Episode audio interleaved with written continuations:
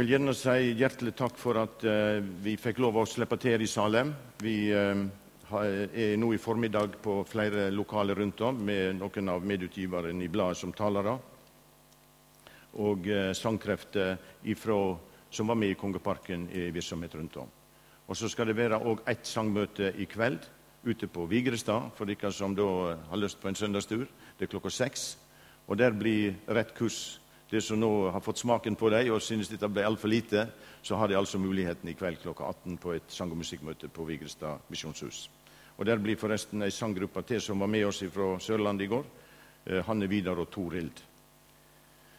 Så, eh, så, der har det mulighet. Takk for eh, forbønn, takk for omtanke.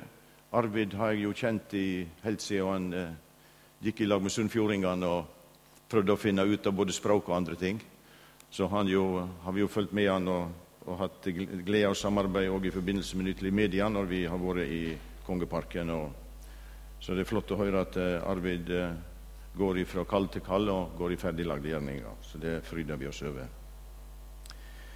Um, når, når, det ble så sterkt understreka i starten her at alt er betalt og alt er ferdig, så kom det for meg eh, denne boka som Asbjørn Aavik har skrevet om Elisha Sjafats sønn. For i den skriver han om hvordan han vokste opp i den ytterste fattigdom ute på Åvika ut mot Lindesnes, til Spinn. Han eh, døde, han, eh, faren døde vel når Asbjørn var iallfall ikke fylt mer enn fem år. Knapt det. Han skriver de levde i den ytterste fattigdom og eh, en dag så skal de bort på butikken. Og butikken for dem, det vil si over en fjordarm eller bukt bort på ei øy. Der borte var det en dansk, en danske som styrte den nærbutikken der, eller den butikken jeg brukte. Og eh, det var en dyster stemning, skriver Asbjørn, når de rodde over vågen. Det var ikke veksla ett ord. Mora satt der ved ved, ved årene, og han satt bak. Han så skuldre som var senka, og hvert åreslag ropte mot han om gjeld. De kom inn til kjøpmannen, bestiller de aller nødvendigste varene. Kjøpmannen tar ned denne her tjukke boka som noen av oss husker fra landhandlerne rundt om.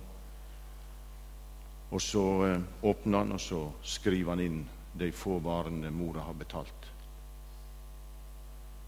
Og så, eh, og så sier han de skylder meget nå, fru Aavik. Asbjørn står holdt på skrå bak mora. Skuldre blir senka, og iallfall blir hodet senka. Det kommer ingen protester det kommer, heller ingen forklaringer eller unnskyldninger. Det kommer bare en erkjennelse. Ja, jeg vet det. Jeg vet det.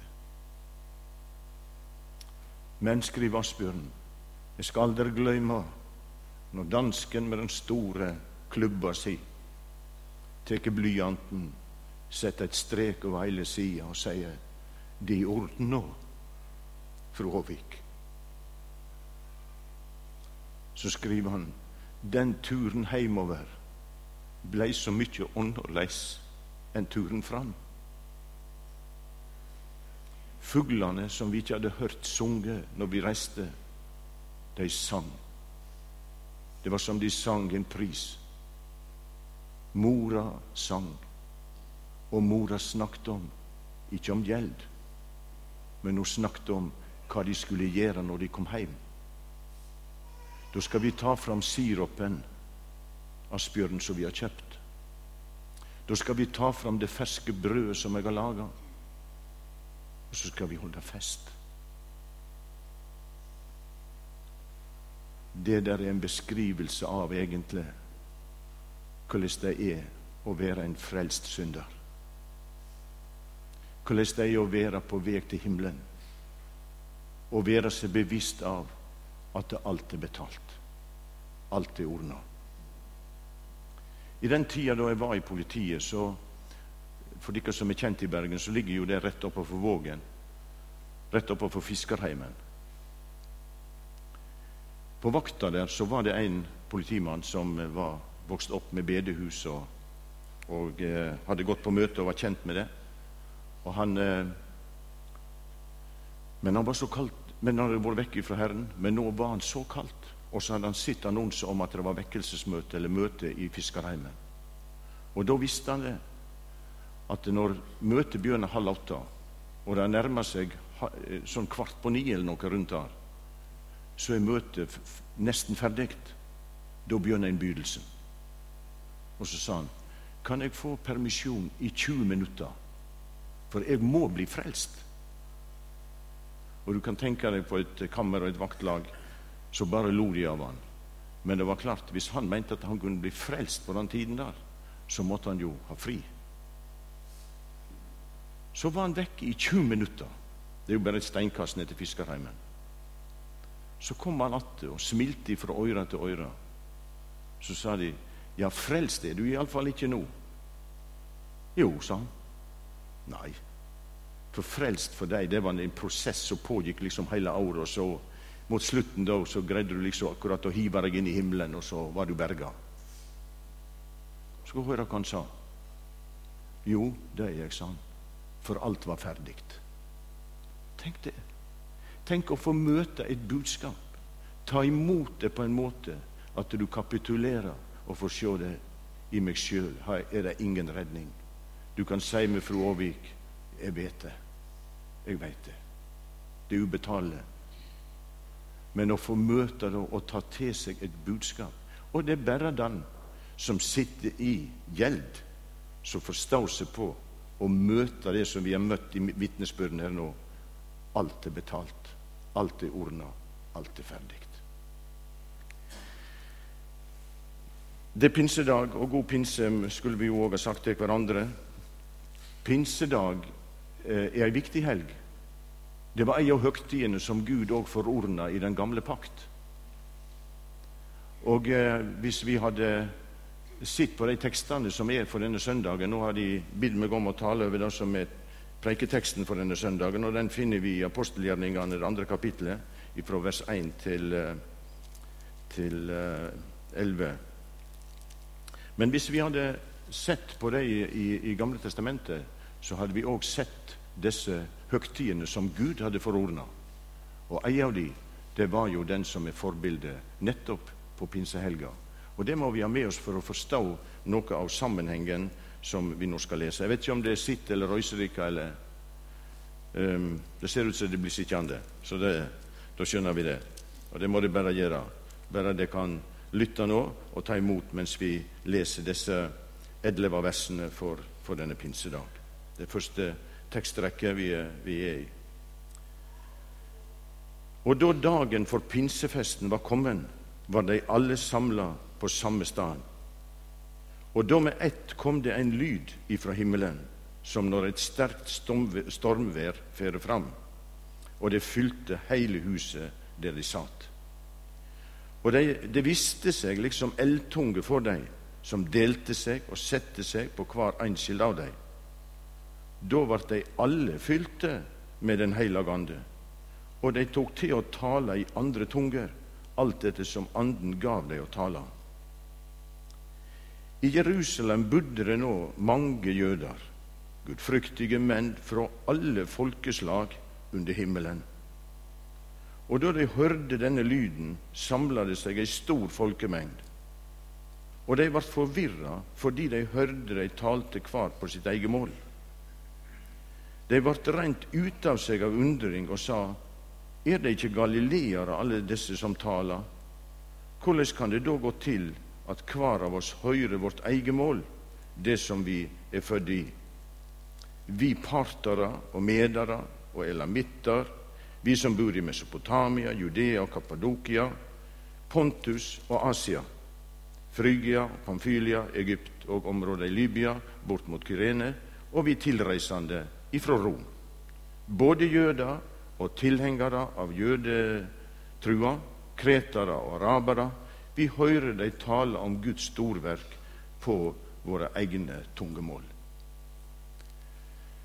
Eh, vi, vi, rekker ikke å, å si noe eh, fornuftig på, på, alt dette her, men det, jeg syns at eh, selv om ikke akkurat denne der teksten der er den som vi bruker oftest på pinsedag, så er det likevel en, en vidunderlig beskrivelse, og eh, den sier noe vidunderlig om hvor omskiftet det ble etter påske og etter pinse.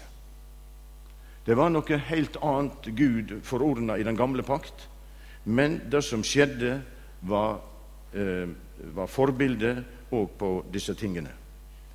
Men bare en liten kommentar på det som er leseteksten fra Det gamle testamentet på denne pinsedagen. Det er fra Første Mosebok, kapittel 11. Og den taler om da de bygde et Babelstårn. Og det er jo derifra vi har denne Babels forvirring.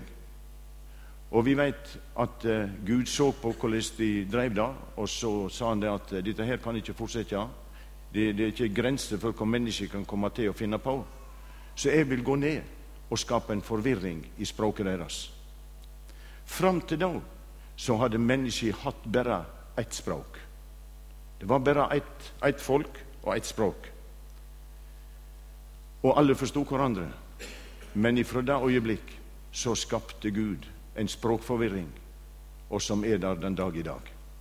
Om sognamålet kom opp den dagen, det har jeg ikke lys over. Men eh, det kom iallfall opp mange, mange språk. Og ikke bare det at det, den forvirringen kom opp med de mange språkene, men de ble spredde ut over hele jorda. Og Du må gjerne ta for deg dette avsnittet der, fordi at det danner en kontrast og kaster lys over noe av det som skjedde nettopp på pinsedag. For på pinsedag så skjedde det motsatte, som vi har lest her.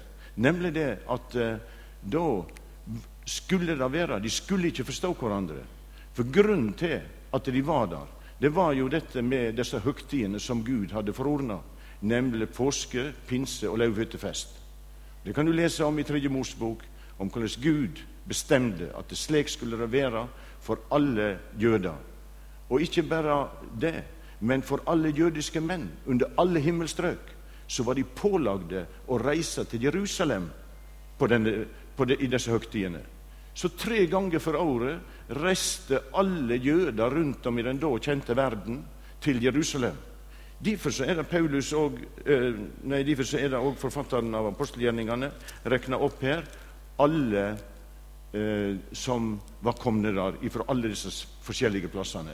Og Vi ser jo da at det er jo fra hele Lille-Asia, det er langt bortimot Afrika osv. Så, videre. så det er bakgrunnen for at de var der, og de talte et utall med språk. De talte egentlig alle, de representerte alle de kjente språk på den tiden der. Og Derfor så skriver, står det altså da her i, i starten av det vi, det vi leser i apostelgjerningene Og da dagen for pinsefesten var kommet, så var de alle samla på samme sted. Det er jo et under. Det er jo ikke noe som, som er menneskelaga, men forklaringen ligger altså i Guds plan, og som Han sørger for å gjennomføre etter sin plan og etter sin forutvitende. Er det med å gjøre Bibelen troverdig for deg? Er det med å styrke deg i trua på at dette, disse, disse sidene og innenfor disse permene kan ikke mennesket ha dikta opp? Nei, som Peter skriver, de talte og de skrev drevne av Den hellige ånd. Den hellige ånd minte de om det og drev de til å skrive. Var, de var alle samla på denne, denne, dagen. Jeg kan ikke si mer om det, tror jeg. Vi kunne ha, vi kunne ha delt flere, flere, avsnitt på det, men, men vi, vi, rekker ikke på det. Jeg vil bare si at Paulus understreker mange ganger at det er det som vi er inne på nå, at alt som før er sagt, det er skrevet til lærdom for oss, for at vi skal ha håp og trøst, eh, for at vi skal ha håp ved det tålmod og den trøst som Skriften gir. Jeg håper det at du som er i Salem i, i dag, ikke finner trøst hos deg sjøl, i ditt eget hjerte og sinn og følelser heller ikke i hva, hva mennesket først og fremst mener, men at du kunne bli trøsta av dette ordet. For det er bare det som holder, og det er iallfall bare det som holder innenfor døden og innenfor evigheten. Og Alt dette skjedde jo deg, skriver Paulus videre til korinterne, som et forbilde for oss, for at vi ikke skulle ha lyst til det vonde. Og det er skrevet til formaning for oss. Og så gikk det altså nøyaktig i oppfyllelse. For den pinsefesten, den eh, som er beskreven i, i Gamle testamentet, i Tredje Mosebok, den skulle òg være 50 dager etter påske. 50 dager. De var samla der etter Guds forordning, og det skjedde nøyaktig. Og de var mange, og er mange vitner på at det gikk i oppfyllelse. Og så kom altså Den hellige ande, uforklarlig, og så ble det ei forvirring. Men forvirringen gikk ikke nå på at ikke de forsto. Men det ble talt altså på en måte som gjorde at alle forsto det. Så det vi må streke under her, det er tale under det som skjedde på pinsedag, først og fremst. Gud la til rettes for at dette skulle proklameres. Det som hadde skjedd på Golgata, det var ikke bare et påskelam som ble, hadde blitt slakta, som vi hadde som bilde i Det gamle testamentet, som et bilde på Han som skulle komme. Da de ofra i Det gamle testamentet og levde, og levde i tru på at Han som skulle komme, så ble de frelst i den gamle pakt. Jeg og du som lever i dag, vi lever i tru på det som kom. Så kom han etter Skriftene, så døde han etter Skriftene, og så videre. Og så var det dette. Nå var det proklamert blant jøder, men nå skulle det ut i verden. Og så må Gud gjøre dette utrolige under for å kunne nå ut med dette. Og da skjønner vi Vi snakker om visjon, vi snakker om å være evangelister, vi snakker om å være med og bringe det ut. Men tenk for en agenda Gud hadde. At dette kan ikke bli værende bare i jødeland. Vi kan ikke vente bare på at de jødene som er samla her, etter hvert skal bære det ut. Nei, Gud hadde en forordning som han hadde lagt i den gamle pakt. 50 dager etter påske så skal jeg samle alle menn ifra den ganske verden. Og da har ikke du språkproblem. Da har ikke du bruk for noen misjonsskole for å sende dem hjem igjen. Når de reiste hjem igjen etter opphold i Jerusalem, så visste de de hadde fått kjent sannheten. De hadde fått Den hellige ånd, som hadde tatt bostad i dem, og de var drevne av Den hellige ånd når de gikk tilbake. Det var ingen småtteri, det de bringer tilbake igjen til Rom, til Frygia, til Nord-Afrika og rundt om i den hele da kjente verden. Det er et utrolig perspektiv, og det er en utrolig agenda Gud har rissa opp for oss i dette her. Så det var en proklamasjon Gud måtte nå ut med. Og så gikk det ut på alle verdens kjente tungemål. Læresveinene vi hører her ifra, eh, ifra Johannes 14, og, og tekstene 15 og 16 har jo vært tekster for søndagene nå, der Jesus forteller om hvordan det skal bli når talsmannen kommer. Og de hadde jo vært med han der ute når han tok avskjed med dem. I Lukas 24 leser vi om det, når han forlot dem. Og så står det det at de skulle bli i byen inntil de blir kledd i kraft ifra det høye. Det hadde Gud sagt til dem, og vi skjønner hvorfor det var. De hadde ikke mulighet til å bringe dette budskapet ut på egen hånd. De var av kjøtt og blod, og de var ikke i besittelse av den åndskraft og den åndsmakt som skal til for å åpne Skriftene og overtyde en synder om at han er fortapt. De har ikke evne, et naturlig menneske har ikke evne til, uansett hvor kunstnere og veltalende og hva vi måtte finne på Vi har ikke mulighet å overbevise et menneske jeg har ikke mulighet til å overbevise mine egne barn bare ved å tale om Guds ord. De må få et møte med den levende Gud gjennom evangeliet, og det er bare Den hellige ånd som kan åpenbare det for et hjerte. Derfor visste Jesus godt, og det er en advarsel, eller det er en påminning til oss som Guds folk i dag, at ikke vi driver på med et arbeid som ikke Den hellige ånd kan vedkjenne seg. At ikke vi holder på med å prøve å lage et system eller overbevisningsmåte å gjøre det på der Den hellige ånd ikke får bruke ordet. Den hellige ånd er aldeles avhengig av å få bruke det samme budskapet som ble proklamert på pinsedag. Alle forsto det, og hadde vi fortsatt å lese i, i videre i kapitlet, så ser vi om hvordan de ble forstøkte, de ble rådville, og så stiger de fram. Peter, sant? han som hadde stukket av og ikke ville vedkjenne seg. Plutselig så er han i besittelse av en åndskraft og en åndsmakt som er helt enestående. Det er blitt en ny Peter. Ikke fordi at det kjøtt og blod på han er blitt forandra, nei, men han er blitt et nytt menneske. Han har fått Den hellige ånd. Og så stiger han fram med en dristighet, med en overbevisningstale, og så taler han rett til deres sjel om at uh, de trenger til syndenes forlatelse, for å si det i et samlebegrep. Han snakker om Messias, han som de korsfeste. Denne Jesus reiste Gud opp igjen, og, og vi er alle vitne til det. Og så ser vi ut gjennom, og så når det sitt klimaks mot heidningene i Kornelius' hus. Og så ser vi det var når de talte ord om syndenes forlatelse. Det var da underet skjedde. Det var da Den hellige ånd falt der i Kornelius' hus hos den første heidning. Jau, sannelig, de var avhengige av de første disiplene, at uh, de fikk Den hellige ånd. Jesus var jo gått inn i førevegen. Han beskriver seg sjøl som ei førstegrøa. Førstegrøa av de oppstandende. Han er den første som har stått opp igjen. Ja, men sier noen, men eh, Lasarus sto jo opp igjen. Lasarus ble bare vekt opp igjen for fire dager, og så måtte han inn igjen i døden. Det var Jesus som gjorde det for å demonstrere sin makt og hvem han var. Men det lukta av han. Men du, det var en som sto opp på påskedag, som det ikke engang lukta av. Han hadde overvunnet døden. Du har ingen grunn til å frykte døden, du som er her og har tatt imot Jesus. Det er bare en fergemann.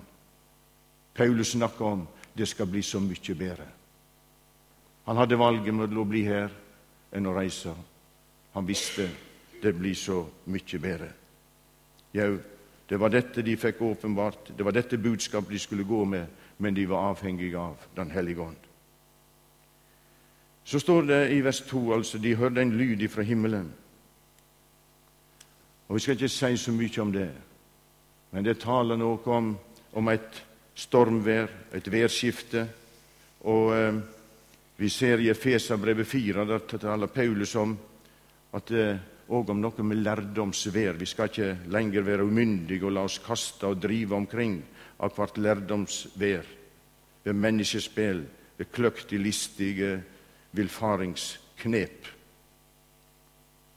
Det var et lærdomsvær som gikk over den da kjente verden gjennom det som skjedde på pinsedag. Alle fikk høre det, og eh, vi gjør vel i å lytte til Paulus sine ord. Det er mange lærdomsvær i vår tid. Det er mange som er berusa av mange ting. De taler om under og opplevelser av mange ting, og så er det mange ganger så løsrevet fra Skriften at du kan bli helt mørkredd. Må vi være edrue og se hva det er Bibelen taler om. Så var det eldtunge. Og Det tenker vi mange ganger på at ja, tenk om jeg kunne få oppleve eldtunge. Tenk om elden kunne dale ned over meg. Og det er mange som òg har sanger som går på det temaet. Men hvis du ser etter i Bibelen Eld er aldri Skriften sett i sammenheng med Den hellige ånd skal gjeste oss. Det var et under, det var en beskrivelse. Det står liksom eldtunge. Det minte om eldtunge. Men det var et under som skjedde der og da på pinsedag. Det skjer ikke slike under etter det. For Gud han skulle opplyse dem om at elden det er alltid forbundet med en forterende eld. En eld som brenner opp. Og vi veit at på påskedag, fram til påskedag, så hadde alle, i alle ofringer så hadde elden fortert offeret. Men på Golgata så var det offeret som forterte elden. Det er Herren som representerer elden. Det står for dom, og han let hele sin vrede og hele sin dom for hele menneskeslekta gå utover det Guds lam som hang der imellom himmel og jord som et offer. Så sier Hebreabrevet forfatter så gikk han inn i helligdommen én gang med sitt eget blod og fant ei evig utløsning. Dette skulle proklameres. Dette skulle gjøres kjent.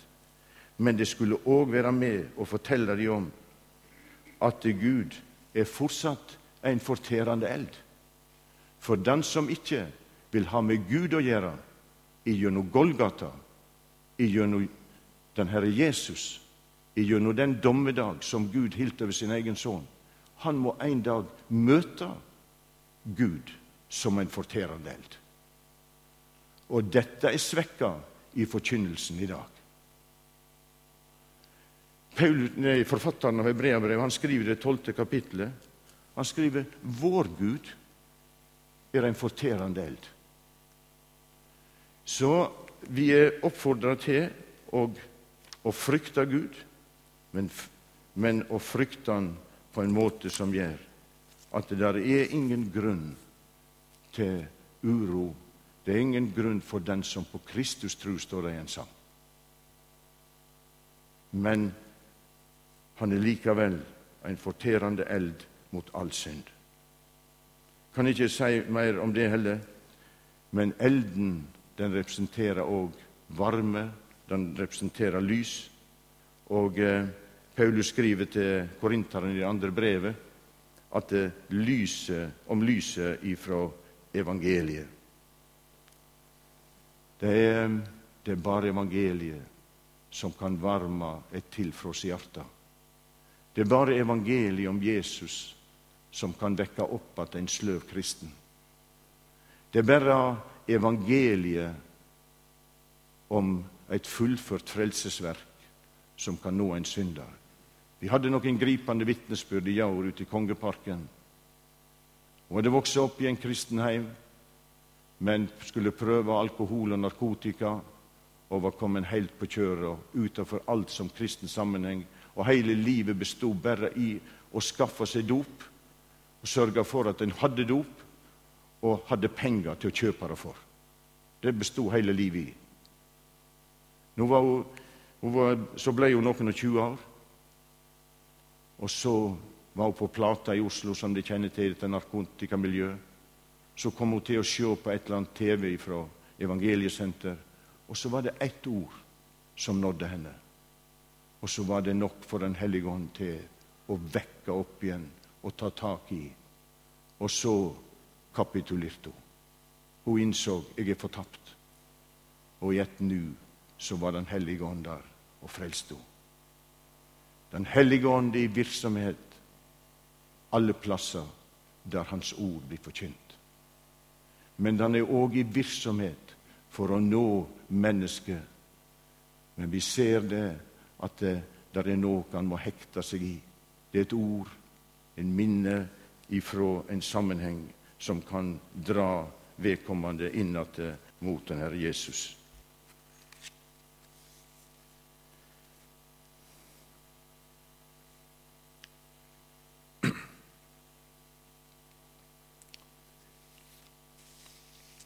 På denne eh, pinsedag så er det ikke bare disse tekstene for, for denne her, men det er òg en eh, parallelltekst fra Johannesevangeliet i det 14. kapittelet. Og der er det òg noen, og nå skal jeg øyeblikkelig slutte Der viser det hvordan det kaster lys over det som skulle komme. Vi kan se tilbake på pinsedag. Og Vi kan se tilbake på at eh, de første ble lagt til menigheten, og vi skal nå etterpå synge om jordens største under. Det var da det begynte, da hele 3000 tok imot, og eh, Den hellige ånd ble utrent i deres hjerte. I Johannes eh, evangeliet i kapittel 14, fra vers eh, 23 til 29, så er Jesus i samtale eh, med dem, og så sier han om noen elsker meg, da holder han ordet mitt, og far min skal elske han, og vi skal komme til han og ta bostad hjå han. Og så sier han litt seinere ordet som det hørte, er ikke mitt, men Faderen. Og så sier han i 26. verset men talsmann. Det blir jo mange ganger med rette oversett. Det har mange betydninger. Dette er et mangfoldig ord. Talsmann, Den hellige ande, trøsteren kan han oversettes med. Som Faderen skal sende i mitt navn. Han skal lære dykk alle ting og minne dykk om alt det som jeg har sagt dykk. Han skal lære dykk, og han skal minne dykk. Han er altså den som, som minner oss om disse tingene som har blitt sådd i en tidligere tid. Han er den som kan lære oss, og måtte vi la oss lære av Guds ord. For det er bare gjennom Guds ord Den hellige ånd kan, kan lære oss og kan veilede oss. Og det er bare her en finner den sanne himmelvarme. Det gjelder ekteskap. Hvor mange ganger må ikke en si det i sjelesorg med truende som holder på å gå ifra hverandre? Hadde snakka med Jesus om dette her. Hadde vært på kne hos Jesus med dette her. Hvordan er andagslivet deres? Så videre. Jeg skal ikke sette meg til dommer over det, men så mange ganger så ser en det skjedde uten at, den, at Jesus, at Den hellige ånd var inne i bildet. Sannelig, Den hellige ånd ønsker å komme inn i et ekteskap, inn i en heim, inn i de brutte relasjoner, samme hva det er. Der kom ei syndefull kvinne inn i et hus. Det var i Simons hus. Simon syns dette er upassende. Jeg hører til blant disiplene. Jeg hører til blant de skriftlærde. Jeg hører til blant de som har høgst status innenfor det religiøse vesenet i Israel. Og det er jo måte på at Jesus har tatt med seg ei syndefull kvinne inn her. Men Jesus kjenner Simon sitt hjerte, og så sier han, 'Simon, hør her. Jeg har noe jeg skulle ha sagt deg.' Kanskje Jesus har noe han skulle ha sagt deg, som i Salem i kveld. I, i dag. Vi er døgnville, vet du. Vi la oss klokka kvart over tre i natt og sto opp etter kvart over seks, så det var ikke så godt å holde styr på døgnet. Så sier han, 'Jeg har noe jeg skulle ha sagt deg.' Og hva sa han? Du, Simon, hun der, hennes mange synder er henne tilgitt. Derfor elsker hun mye. Det er hemmeligheten i vandringen med Jesus. Det at Den hellige ånd har fått vist oss vår gjeld, ubetalelige gjeld som vi har snakket om, og så får vist oss at alt er ordna. Hennes mange synder henne tilgitt. Og så står det en nøkkel og den kan jeg ikke nok understreke. Jeg tror jeg nesten har den med meg hver gang jeg er på talerstolen. For det står da Og til deg som synes det er blitt så kaldt. Du er blitt så likegyldig. Brannen brann sterkere før enn han gjør nå.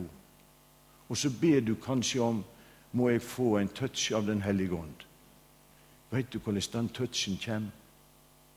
Tror du han kommer dalende ned som eldtunge, som det gjorde på pinsedag, og langt ifra? Nei, hemmeligheten, når du må lese Lukas 7, 47, så ser du det. Den som mye er tilgitt, han elsker mye. Men den som lite er tilgitt, han elsker lite. Skal jeg ta det opp igjen for deg? Men du kjenner ordet. Det er hemmeligheten i Per Nygaard sitt liv. Når det blir kaldt, når en blir lunken, så må du inn igjen i sentrum. Så må Jesus få vise deg å, jeg er jo bare en tilgitt synder. Det er ikke ende på nederlag og fall og, og eh, hva, hva, ord vi skulle sette på det. Og så får du se igjen. Å, kan du tilgi meg? Jesu, Hans Sønns blod, rensa ifra all synd. Han er en uavlatelig rensing. Og det er her, på dette området, Den hellige ånd arbeider i den enkelte menneske sitt liv. Det er ingen tilgivelse utenom Jesu blod, sier Hebreabrevets forfatter. I det niende kapittel og tiende kapittelet, og vi har allerede sitert med sitt eget blod, gikk han inn i helligdommen. Han fant en åpen vei. Han la en ny plan. Forhenget rivna. Det som før hadde vært en hindring å bære øverstepresten, og han kunne ikke gå igjennom det engang. Det var så tjukkvevd at det, det, var ikke mulig å rive dem fra hverandre. Han måtte gå rundt til sjøl øverstepresten en gang for året når han skulle inn der på vegne av folket. Nå hadde det rivna. Det var en åpen vei like inn. Hør, min venn. Hvis du skulle være i den villfarelse at du er avhengig av å gå om noen for å komme til Jesus, så skal jeg proklamere det kommer en ny og levende vei like inn til nådestolen, der bare øverstepresten kunne gå i den gamle pakt. Nå kan de gå hvem som helst. Så er du i Salem i formiddag, som er en sånn hvem som helst, så kan du bare begynne nå. Og har det stoppa opp, så bare begynn igjen. Det er en som lengter og venter etter at du kommer inn på den veien og gir deg i følge med Jesus.